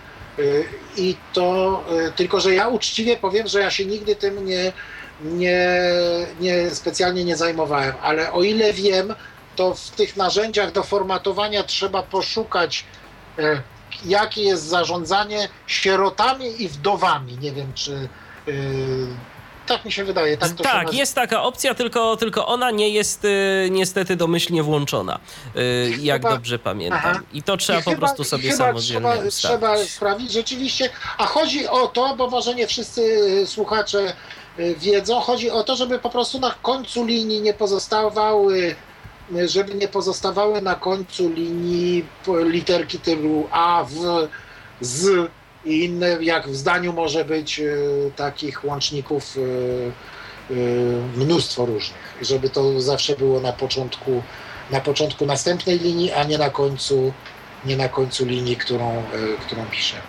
Twarde spacje Y, no to, no to to chyba było tak, że To służą one do, do sklejania te, do- do- tego z do- kolejnym wyrazem właśnie, że jeżeli, nie, Że- że- jeżeli mamy to tak. wyłączone, y, właśnie to y, No coś właśnie. domyślnie, to, ta eliminacja Ale- wdów i sierot, to po prostu możemy to ręcznie zrobić, jeżeli Ale tutaj, ale tutaj ja wiele do powiedzenia nie będę miał, bo tak uczciwie mówiąc, yy, ja się nigdy tym specjalnie nie, nie, nie, nie interesowałem o tyle, że po mnie zawsze, nawet jak książkę pisałem, to po mnie zawsze potem byli jakiś korektorzy, inni, inni łamacze tekstu, którzy, którzy się bardziej tym zajmowali niż ja. Yy, nie wiem, czy w dokumentach oficjalnych, no też zasadniczo, no nie powinno tego być, ale ja uczciwie powiem, że nigdy o tym y, na to specjalnie nie zwracałem uwagi. Być może powinienem, być może dobrze, że właśnie zwróciłeś ty, Michale, na to uwagę. Być może nawet ja, ja teraz będę bardziej sam na to zwracał uwagę, bo, bo, bo rzeczywiście nie powinno być takich y, pozostawionych tak zwanych sierot. A jak to jest na przykład z dzieleniem wyrazów? Bo y, rzadko kiedy się spotykam y, w różnego rodzaju dokumentach, skądinąd może i dobrze, aczkolwiek te opcje też można sobie w Wordzie włączyć, żeby to dzielenie wyrazów było, żeby zagospodarować jak największą ilość y, linijki. E, Czy to jest niezbędne? Nie wiem. Ja, ja tego, ja kiedyś oczywiście, tak jak, tak jak Ci wspominałem, kiedyś próbowałem różne rzeczy, różnych rzeczy, szczególnie jak się uczyłem obsługi różnych edytorów tekstu, no i te, tego oczywiście też próbowałem. To działa y, całkiem nieźle, y, ale y, tak wiele różnych problemów potem z tego się brało, na przykład pomiędzy różnymi wersjami edytorów tekstu, czy jak się z jednego edytora do drugiego przesiadał człowiek. Ja na przykład y, bardzo często przesiadam się z OpenOffice'a, czyli z LibreOffice'a na Worda w jedną i w drugą stronę i to na różne wersje Worda. I y, zauważyłem, że to jednak czasami powoduje problemy. Ja byłbym bardzo ostrożny ze stosowaniem przenoszenia wyrazów. Jeżeli mamy do zrobienia tylko jeden dokument, który, y, który będziemy drukować, to oczywiście można to zastosować, ale czy to jest faktycznie tak niezbędne? Nie wiem. Ja, znaczy, to znów to jest moja opinia prywatna i ja się z nią zgadzam. Każdy może robić jak, jak, jak, jak uważa, być może, być może ktoś inny będzie miał inną opinię. Ja tego nie stosuję, nie próbuję szukać, nie, nie, nie, nie odczuwam potrzeby uratowania dwóch linijek. yy, yy, No, bo to tak naprawdę, no nawet w bardzo dużym dokumencie, to w ostateczności możemy uratować jedną kartkę. Więc yy, czy to ma rzeczywiście realnie nam jakaś oszczędność z tego jest, czy tekst lepiej wygląda? Wcale nie jestem pewien, czy tekst lepiej wygląda, szczególnie jeśli nie będziemy justować go. Yy, A to zdecydowanie zalecam nie justowanie tekstu, żeby, a, a, a znów przenoszenie wyrazów ma służyć raczej temu, żeby ten tekst był wyrównany jak, naj, jak najwięcej, żeby było liter w każdej linii i żeby w każdym akapicie jak najbardziej wyrównywać y, do lewej i do prawej. W związku z tym ja bym sugerował niestosowanie przenoszenia wyrazów, przy czym y, no jeżeli ktoś jest do tego przyzwyczajony, no to, no to złego się nic nie dzieje z tego powodu. To zapytam jeszcze mm, z takich rzeczy związanych z redagowaniem mm, dokumentów. Kiedy wejdziemy sobie e, chociażby w ustawienia czcionki, to mamy tam naprawdę mnóstwo różnych rzeczy, y, które możemy zaznaczać i albo które możemy pozostawić, y, pozostawić niezaznaczone. Jakieś kapitaliki, wersaliki, cieniowanie. Co to są właściwie na przykład te kapitaliki i wersaliki? Do czego No to służy? Czy to można- ma jakieś można- zastosowanie? Znaczy tak, to ma zastosowanie, że można z mały pisać dowolnie wielkimi, znaczy małymi literami normalnie pisać, a następnie zamieniać e, czcionki w, że wszystko jest napisane wielkimi literami. Ja e, sobie wyobrażam, że to raczej dotyczy bardziej osób, które profesjonalnie zajmują się formatowaniem y, tekstu po to, żeby szedł potem do druku y, i, w sytuacji, w której my rozmawiamy o tworzeniu tworzeniu po prostu naszej korespondencji urzędowej, jakichś urzędowych listów na nasze potrzeby prywatne, nie będąc y, y, zawodowymi specjalistami od łamania tekstu, to ja bym po prostu sobie dał spokój, chyba że chcemy się tym pobawić w jakiś sposób, ale to są rzeczy bardzo wizualne i ja uczciwie powiem, że ja się no poza jakimś takim pierwszym okresem, kiedy, kiedy jak każdy dostając do ręki nową zabaweczkę, E, którą e, są, były jakieś tam nowe wersje edytorów tekstu. Oczywiście bawiłem się na początku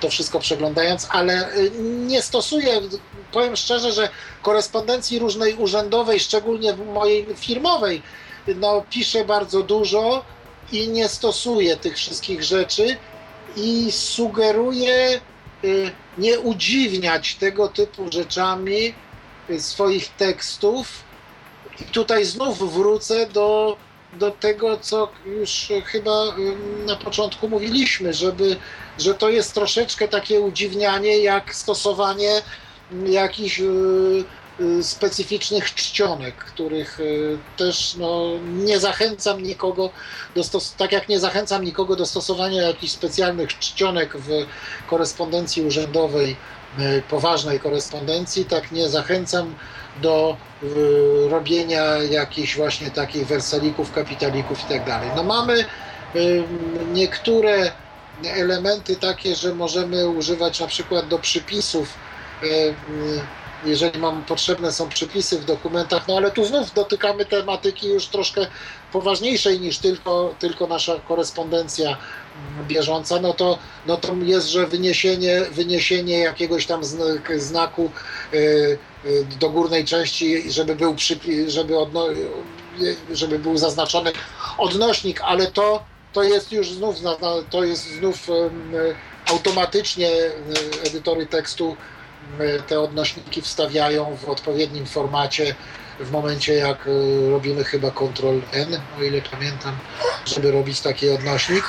Natomiast, natomiast no tutaj zaczynamy wchodzić w sprawy już bardzo zaawansowanego formatowania. Nie do końca jestem pewien, czy e, to jest dobre miejsce, żebyśmy o tym mówili w, w takim, e, w, tak w, tylko przez radio, nie mając bezpośrednio kontaktu z osobą, która by chciała się dowiedzieć, jak to się robi. O. To może przejdźmy, Adamie, jeszcze do innych typów dokumentów. Y, no jest taki dokument, y, o którym chciałbym powiedzieć, który mi troszkę leży na sercu, bo e, byłem sam twórcą takich dokumentów, jak szukałem pracy, a potem jako pracodawca odbiorcą takich dokumentów i mam mam dość, e, e, mam dość e, jasną opinię na temat tego, w jaki sposób należy tworzyć curriculum vitae. I nie zawsze zauważyłem, odpowiada to radom, które spotykam w, na przykład w necie. Otóż E, pisałem curricula vitae na podstawie, e, czyli życiorysy, na podstawie jakichś takich rad różnych ludzi, którzy mi mówili, struktura takiego dokumentu to powinno być imię, nazwisko, adres, dane kontaktowe, moje dyplomy, moje doświadczenie zawodowe, następnie e, moje Y, różne dodatkowe informacje. Tak mniej więcej w skrócie. Czyli takich parę bloków informacji w takim kurikulum vitae powinno być zawartych, jak no, dane kontaktowe, y, informacje o wykształceniu, informacje o doświadczeniu zawodowym, plus informacje różne. Ja takie kurykula vitae wysyłałem do różnych pracodawców. Pracę znalazłem, potem pracowałem w wyniku wysłania takiego curriculum vitae, a potem tak się złożyło, że ja zacząłem takie curriculum vitae dostawać od różnych kandydatów do pracy. I nagle się okazało, że ta cała struktura, której ja używałem i która była zalecana i która, jak mam wrażenie, jest bardzo często nadal zalecana różnym osobom, które szukają pracy, jest tak naprawdę e, zupełnie była mi nieprzydatna jako osobie, która takie dokumenty analizuje. Kiedy do mnie przychodził życiorys zawodowy kandydata do pracy, mnie w pierwszym rzucie interesowało, co człowiek umie. Ja zakładałem, że e, jeżeli ja poszukuję na przykład programisty, to ludzie, którzy do mnie piszą, to są ludzie, którzy są programistami. I w życiorysie ich na pierwszej stronie, zaraz na początku,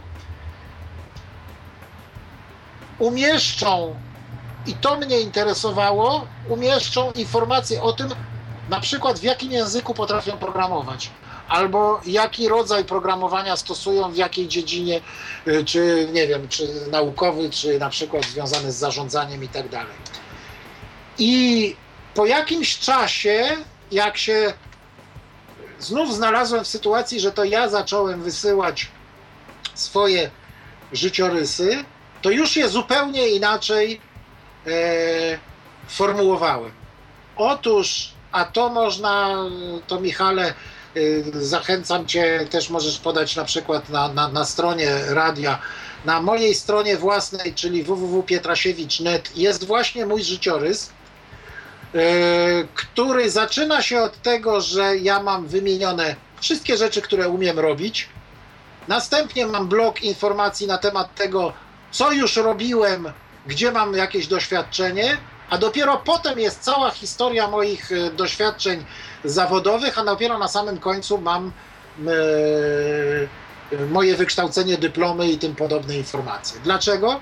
Dlatego, że gdy ja szukam programisty, gdy szukałem programisty jako e, ewentualny pracodawca, to informacje o tym, że ktoś maturę zdawał w liceum takim a takim, oraz miał dyplom e, magistra na takiej a takiej uczelni, nie jest dla mnie żadną interesującą informacją, a gdy ja mam do przejrzenia e, na przykład 25 curriculum vitae e, i do przeanalizowania 25 takich dokumentów, to przeglądanie, a czasami to jest na dwóch stronach e, coś takiego, no to jest po prostu trudne, więc dlatego ja wolę i uważam, że jest najrozsądniej umieszczanie podstawowych informacji na temat tego, co się potrafi robić, umieszczanie tych informacji na samym, na samym początku, a cała reszta to jakby potem, jak coś mnie zainteresuje, to ja sobie potem znajdę w tym kurikulum vitae informacje na temat doświadczeń na przykład zawodowych, czy na przykład dyplomów, jeżeli to mnie będzie interesowało.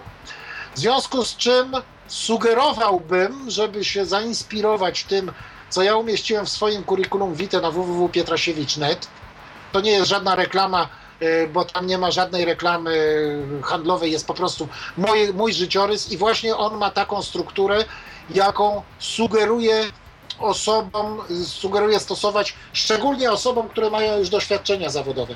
Bo oczywiście osoba, która wychodzi prosto ze szkoły i ma do zaoferowania pracodawcy jedynie swoje dyplomy, bo nic, nigdy nie pracowała y, nigdzie, no to oczywistym jest, że na początku o tych dyplomach powie, ale w momencie, kiedy już coś w życiu robiliśmy, już e, mamy jakieś doświadczenia, już coś potrafimy robić, to e, swój życiorys trzeba od tego zacząć. Potrafię robić to, to, tamto, siamto.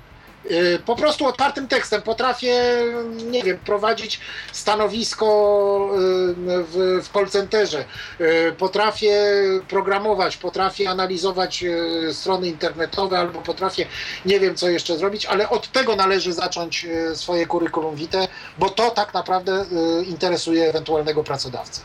Adamie, mamy telefon, chociaż nie, no niestety telefonu chyba jeszcze na razie nie mamy, bo mamy jakiś e, mały tu problem z telefonem, Aha. ale będziemy się, będziemy się próbować, e, myślę, za momencik połączyć. Niestety, niestety, w tym, niestety w tym momencie w tym momencie nasz słuchacz chyba po prostu zrezygnował. No ale jeżeli będzie, jeżeli będzie do nas dzwonił jeszcze, to, to prosimy oczywiście o telefon tyflopodcast.net 123 834 835. Wspomniałeś o tym, że no, troszeczkę inaczej powinno się redagować curriculum vitae. Jeszcze takim jednym dokumentem, który często y, proszą, o który proszą pracodawcy, jest coś takiego, co się nazywa list motywacyjny. Czy coś a tak. propos tego dokumentu również y, mógłbyś dodać?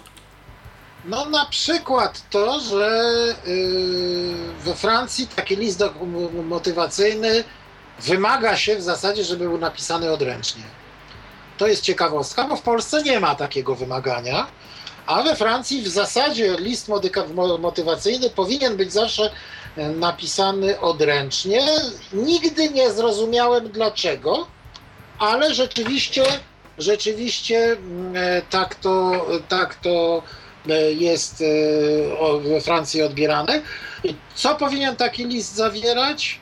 Ja nie wiem, to nie jest dla mnie sprawa do końca jasna. Ja na przykład pisałem w liście modyfacyjnym i w przypadku naszych słuchaczy zapewne będzie to e, akurat tu dobre miejsce, żeby napisać o niepełnosprawności. Ja jestem zdania, że należy informować pracodawcę o tym, że jesteśmy osobami niepełnosprawnymi, ze względu na to, że uważam, że szok jakiego może doznać pracodawca w momencie, kiedy nas widzi, a nie spodziewał się, że będzie osoba niepełnosprawna, y, czy tak jak ja fizycznie, czy tak jak większość naszych słuchaczy, y, osoba słabowidząca czy niewidoma.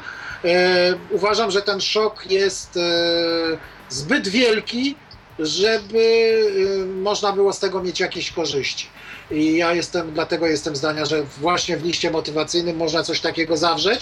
Natomiast yy, nie wiem, bo to, to, takie banalne, no można napisać, no w związku z Państwa ogłoszeniem yy, yy, chciałbym i tak dalej. No wszystkie informacje, wszystkie informacje na temat tego, że już pracowałem powinny być właśnie zawarte w curriculum vitae i dlatego ja jestem zdania, że należy umieszczać wszystkie informacje na swój temat w curriculum vitae, co potrafię robić i co już robiłem otwartym tekstem, żeby następnie ten list motywacyjny, czyli ten list towarzyszący naszemu curriculum vitae był najkrótszy e, i właśnie taki, taki najbardziej zwięzły.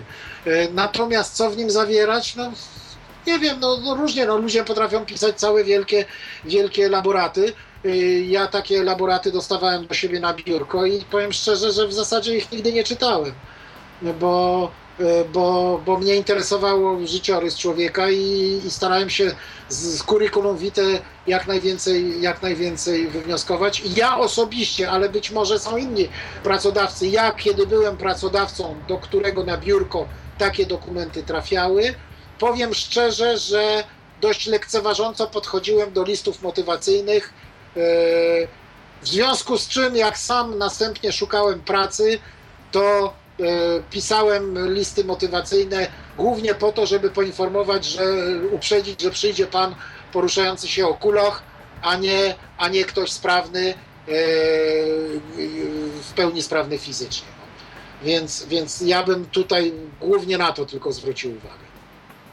Czy mamy jeszcze jakieś e, dokumenty takie nietypowe, na temat których warto by było coś, e, coś jeszcze dodać? E, takie dokumenty, z którymi możemy się spotykać na co dzień w naszym myślę życiu. Myślę intensywnie. Muszę ci powiedzieć, że myślę w tej chwili intensywnie. Tak myśląc o tym naszym programie, jak się do niego przygotowywałem, no to te sprawy sądowe i te curriculum vitae były takimi sprawami oczywistymi poza korespondencją ogólną, ale mi się wydaje, że te zasady dotyczące korespondencji ogólnej są na tyle e, uniwersalne, że w zasadzie obejmują całość chyba wszystkiego. Oto jeszcze przyszło mi do głowy jedno no, a propos no. curriculum vitae. Jak powinniśmy mm, jakby sformatować e, te poszczególne bloki tekstu? Bo ja się spotkałem mm, z kilkoma takimi dokumentami, z kilkoma takimi CV, w których to formatowanie odbywało się za pomocą tabeli. Po prostu na przykład doświadczenie, całe CV było jedną wielką tabelą w której po prostu w jednej y, kolumnie było powpisywane jakby nazwa na przykład tego, a w drugiej kolumnie było wpisane, były wpisane jakieś tam różne rzeczy. Inna, inna rzecz, że na przykład ja miałem osobiście problem z, y, to już tak y, mówię z perspektywy osoby, która gdzieś tam takie CV przeglądała, że ja na przykład miałem problem z odczytaniem takiego CV w wersji elektronicznej, bo mi ktoś przysłał coś takiego w PDF-ie. Więc, y, więc, to był, więc to był dla mnie osobiście problem y, dostępnościowy, żeby się z tym zapoznać. Nie było to wygodne. Natomiast czy, czy to jest y, do tworzenia takich dokumentów drukowanych, czy to jest dobra praktyka, czy, czy niekoniecznie? Wiesz, ja jestem zwolennikiem jak najprostszych. Dla mnie zawsze, ja widziałem, widziałem takie, nawet, nawet takie formularze oficjalne są w różnych urzędach e, już e, do wypełnienia przez ewentualnych kandydatów właśnie w formie takich tabel.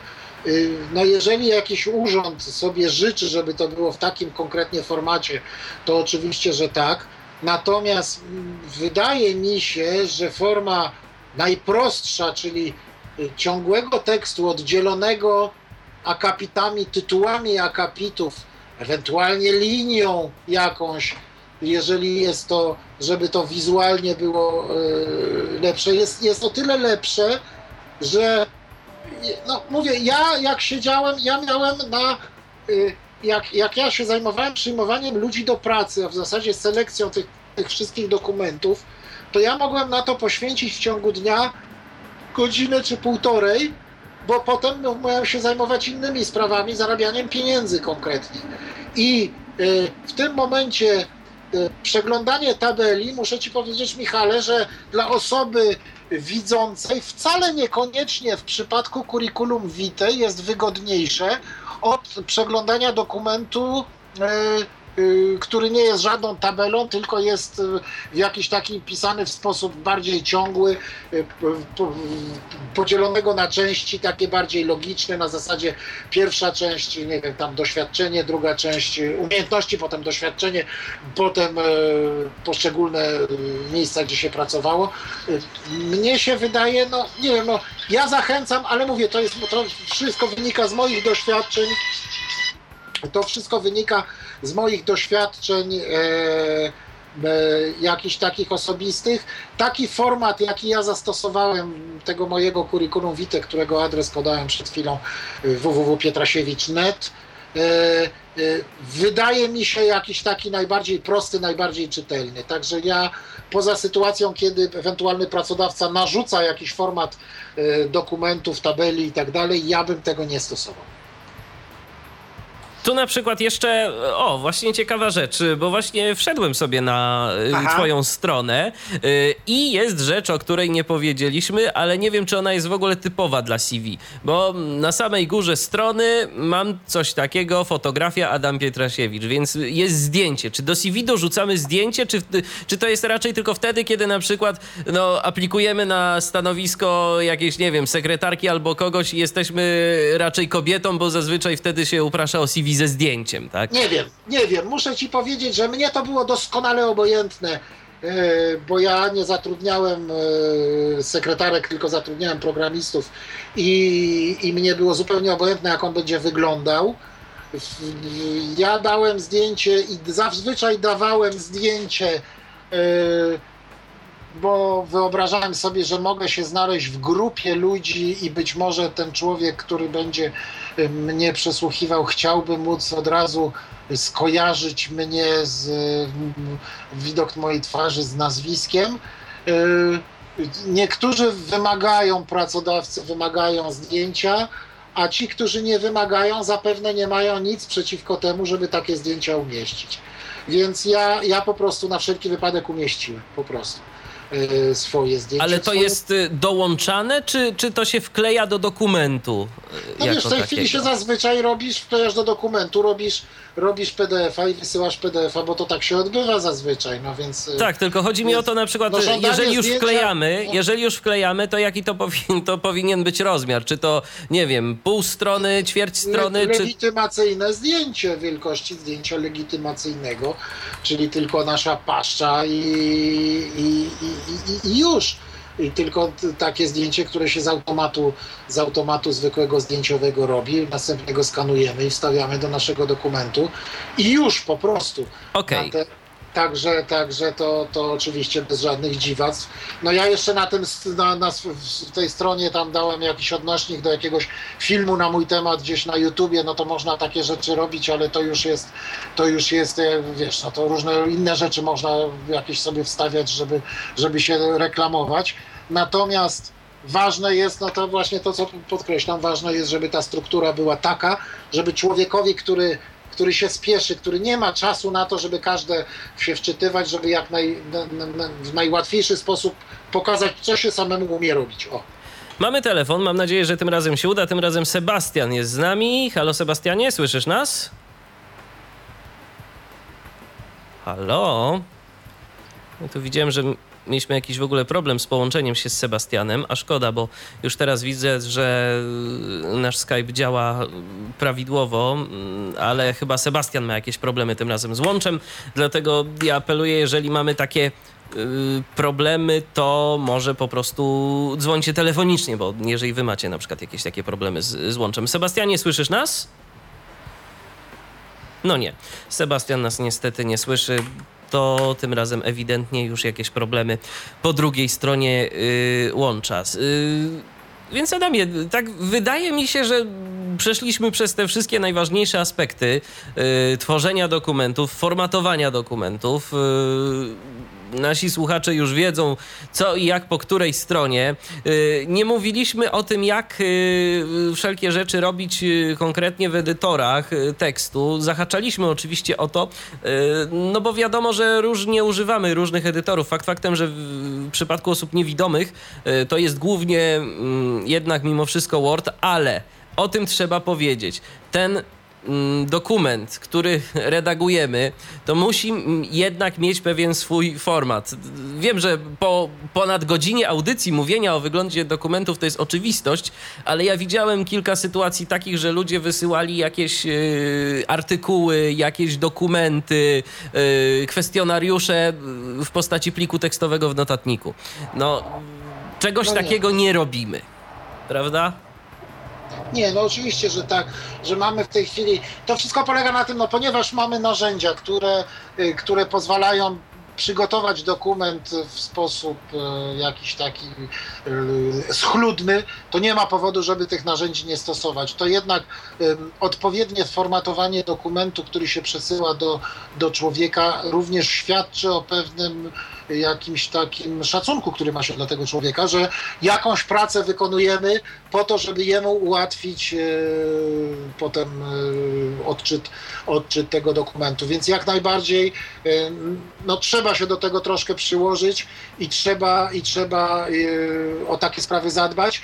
Przy czym no, te edytory tekstu, a szczególnie Word, no, pozwala na zrobienie szablonu i używanie potem już powtarzanie tylko, tylko szablonu i należy po prostu z tego korzystać, z tej możliwości korzystania z szablonów i w tym momencie mnóstwo rzeczy staje się o wiele łatwiejsze.